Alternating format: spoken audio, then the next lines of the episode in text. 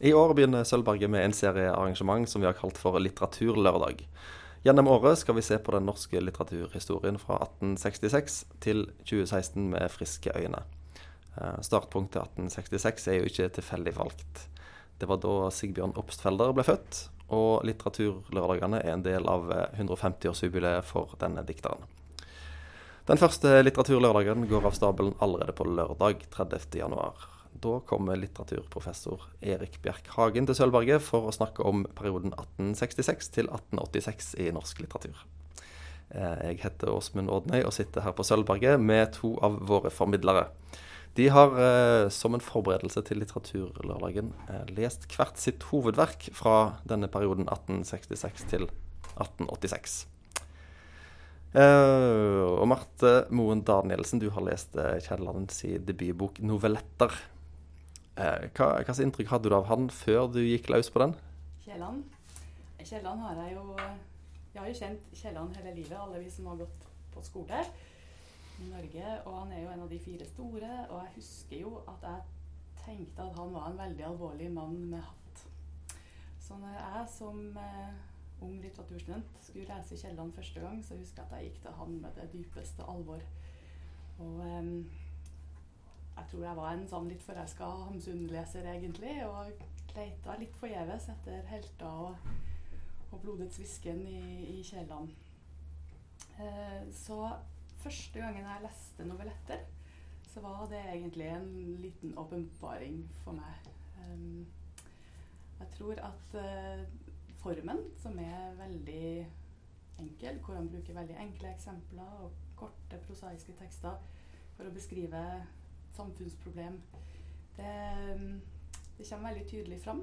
Og det er veldig lett å finne humoristen Kielland og den skarpe ironikeren som han egentlig er. Så eh, jeg, jeg tror jeg skifta Jeg klarte å lese Kielland lettere etter å ha blitt kjent med han gjennom novellett. Uh, Eli Seim, du har lest 'Familien på Gilje' av Jonas Lie som jo òg er, er, en av de fire store i eh, norsk litteratur. Eh, Jonas Lie han har jo jeg tenkt på som den litt sånn kjedeligste og minst viktige av de fire store. Var det ditt inntrykk òg, før du eh, begynte å lese dette her? Ja. De fire store kjenner vi jo fra skolen, som Marte sier. Men jeg hadde ikke lest noe av Kielland før. På, nei, av, av Lie, mener jeg. Uh, han er den av de fire store jeg er minst kjent med. Og jeg vet ikke så veldig mye om han. Eh, jeg eh, hadde vel innbilt meg at han var litt passé nå. At han ikke hadde så mye å gi eh, nåtiden. Som det er kanskje tilfellet med de andre. Men nå skal det jo sies at jeg er veldig glad i teater. Og jeg bor i Stavanger, så det er jo naturlig at jeg kjenner Ibsen og, og um, Kielland bedre enn uh, Lida. Men jeg hadde ikke lest noe av ham før. Eh, kan dere si noe om hvordan eh, bildet av eh, disse forfatterne har endra seg etter at dere har lest novelletter og 'Familien på Gilje'? Ja. Eh, jeg leste boken og ble litt nysgjerrig. Og prøvde å sette meg inn i, i um, hans liv og virke, da. Siden jeg skulle lese denne boken. Og tenkte hvorfor var han en av de fire store? Og, um, og, jeg ser nå at uh, romanen er et veldig interessant bilde av en, et tidsbilde. Det, jo, uh, det, har jo handling fra, fra 1840-tallet. Selv om hun da er skreven 30-40 år seinere. Uh, så ser jeg òg at han har, han har nok vært et slags midtpunkt i en krets av forfattere og intellektuelle både i Norge og i Paris. Og jeg hadde òg et bilde av han som et, eh, et menneske som jobber tett, på, tett sammen med kona. Av, av en eller annen grunn. Det er nok pga. et portrett som er veldig kjent. Der han sitter og kona kikker han over skuldra. Um, og det er òg et interessant bilde av et ektepar, syns jeg. Der er, han sitter foran, og hun sitter bak, men hun, hun er likevel veldig tett på han. Eh, var hun forfatter? Ikke det, jeg. Nei, jeg tror ikke det. Ehm, som sagt, jeg har lest litt om Kielland i ettertid, men eh, ikke så mye. Så det har ikke jeg fått helt taket på. Men, eh, men jeg har forstått at hun har en, en rolle som At hun var en em, Hun var ei, en, ei kone som betydde veldig mye for mannen sin, da. I hans eh, gjerning og dikter. Denne familien på Gilje som du snakker om, kan du si litt om denne familien, og hva det egentlig handler om i denne romanen? Ja. Um, Gilje er jo en gård i uh, Gudbrandsdalen. En, en um, kapteinsgård. Altså ikke en såkalt uh, odelsgård, men en kapteinsgård. Og han kaptein Jeger, han, det er hans, hans familie som skildres der. Da. Og hverdagsliv, fest, um, reiser. Uh, sånn, det er et stort persongalleri. Både familien er jo stor, fire barn. Og ei, der òg ei kone som styrer ganske mye, tror jeg. Kan det virke som. Um, og han har um, to døtre. To voksne døtre. De reiser etter hvert ut, og de skal lære seg å føre seg, og de må bli gift. Det er deres uh, misjon. um, så eh, så er det òg Ja, så mye av handlingen foregår på Gilje, men òg der de to jentene eh, havner hen. Det er i Ryfylke og i Stavanger. Nei, i Ryfylke og i Oslo, mener jeg. Og, um, og, i, eh, og de skildringene derfra, det kommer som brev hjem til Gilje. Så, så selv om det skildres andre steder, så er det liksom Gilje som er midtpunktet der òg. Eh, men mest av alt så syns jeg jo at dette handler om kvinner og menns rolle i samfunnet. Og kanskje jenter og unge kvinners muligheter. eh, i, ja, hva slags muligheter de egentlig har i samfunnet. Det var mye, gikk mye på å bli gift da, for disse damene. Er det en, en samtidsroman? Det må en vel kunne si, selv om den foregår litt bak i tid. Jeg tror ikke det er så mye endret fra 1840 til 1860-70. Hmm. Eh, Marte, du har jo lest eh, novelletter, som jo er en eh, som navnet tilsier, en samling eh, flere historier. Så det er kanskje vanskelig å si akkurat hva den handler om. Men er det noe gjennomgående eh, trekk ved disse forskjellige historiene i novelletter? Ja, altså de, de spenner jo relativt vidt på en måte. Handlingen ligger jo, legges både til Paris, det er en som tydelig ligger i Oslo, og flere som man lett kan lese Stavanger inn i, som den lille småbyen da, som han, han eh, beskriver. Mm, eh, samfunnsrefseren eh, Kielland kommer jo veldig tydelig fram i mange av de her novellettene, hvor han tar for seg både dobbeltmoral og kvinnesak og klassekamp og generasjonskonflikter. Men, men ja, lyrikeren er der også.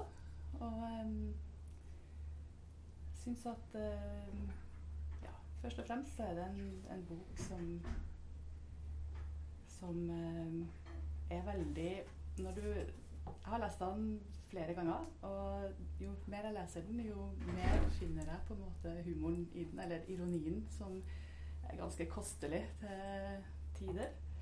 Så eh, det er en bok som, eh, som har det dypeste alvor i seg, men som samtidig beskriver det på en sånn med en sånn enkelhet og en letthet og en sånn poengterthet som eh, er veldig typisk for Kielland, og som gjør at det er, det er lett tilgjengelig.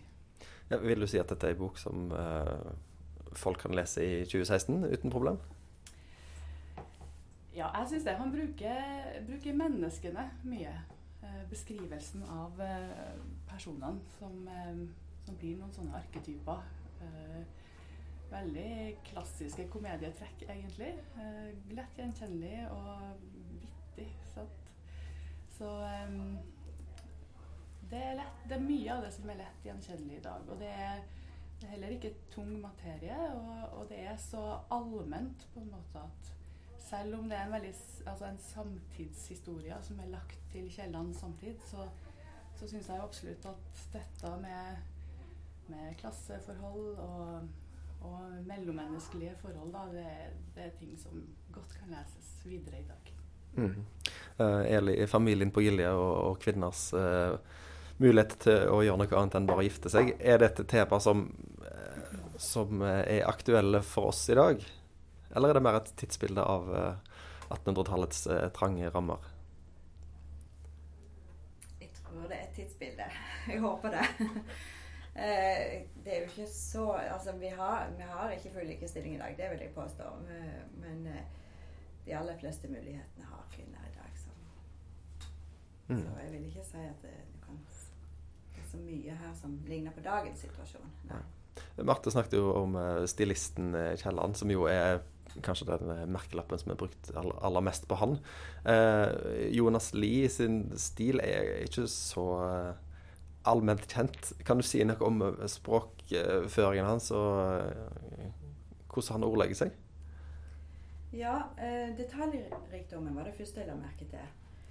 Eh, og dette er jo omtalt i forlaget sin baksidetekst òg, i den utgaven jeg leste. Det kan jeg jo sitere fra. Boken har en slik detalj, eh, rikdom på detaljer og samtidig en så sterk helhetsvirkning at leseren får en fornemmelse av å virkelig ha vært på Gilje. Og Det, det syns jeg var en veldig god beskrivelse. Det var, det var veldig mm, visuelt hva som foregikk så for det litt travle kjøkken ja, De har et stort kjøkken, slakt, eh, hestehandel. Det var, det var mye sånne hendelser som var veldig detaljrike og, og morsomme å lese. Så humor er absolutt i denne boken. Det vil jeg si. Um, språket er rikt. Mange snirklete setninger og en del ord da, som ikke lenger er i bruk. I hvert fall så er ikke det mitt, mitt vokabular. Uh, så det gjør det jo en smule vanskelig å lese. Men uh, hvis en, en kan uh, prøve å, å ignorere de, de, få ordene som en ikke forstår, så, så, går det fint. For det, det er lett å få, få handlingen og miljøet og beskrivelsene med seg likevel.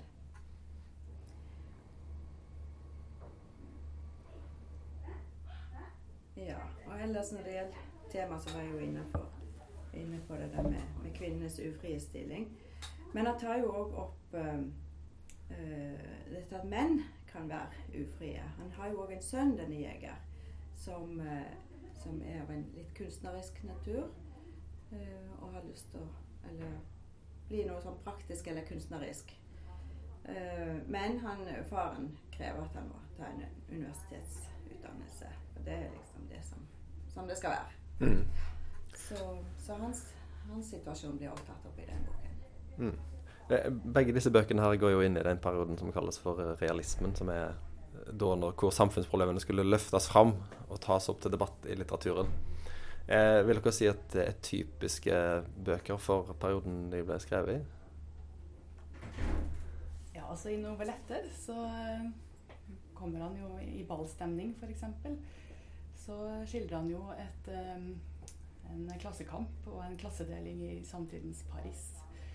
Um, og um, også i den uh, novelletten som heter 'Erotikk og idyll', så harselerer han jo over borgerskapets forhold til arbeiderklassen, og hvordan de på en måte gjennom sin egen diskurs uh, definerer de under seg etter eget forgodtbefinnende til enhver tid. Um, så ja, i aller høyeste grad. I tillegg så, så syns jeg jo at han tar på en måte et slags oppgjør med romantikken òg. Gjennom at han stadig vekk i flere av disse novellettene uh, harselerer litt med, med, den riktige kjærlighet. Og flere av hans Flere i persongalleriet da, som, som jakter den riktige kjærligheten, som er den store poetiske kjærligheten som, som han uh, med kald ironi. hvorfor, vil han, hvorfor vil han gå løs på den? Det er den store patosen da, som på en måte ikke alltid Kanskje det som, som eh, når, man, når, når, forlovelsen er over og ekteskapet er gjennomført og barna kommer, så, så eh, og, ja, og, realiteten slår deg Da kommer den store tomheten? ja. er det sånn? Ja. Nei, det er, ikke, det er, ikke, riktig sånn, men, men eh, den der, det at kjærligheten bygger på Bygger på en slags sånn ren sjel og en vilje, og at den bare skal være der. Eh, det, og at den, den skal bare begynne med et rykk. Og det skal være gjenkjennelig og stort, og da først er det ekte. Han harselerer ganske mye over det, og det er ganske fornøyelig lesning av og til. Um, Mm. mm. Ja, eh, Siden vi nå snakket om temaet, hva vil du si er Jonas Lie sin, eh, sitt syn på kjærligheten, hvis en kan spørre om det? Ja, han tar jo opp altså, han- han tar jo opp dette med arrangert ekteskap. Så Og når han gjør det, så er det vel det at han tenker kanskje at det skal være litt mer valg. Eh, og at det skal være litt mer fritt, tenker jeg. Mm. Men har han en veldig tydelig eh, politisk undertone i det han skriver?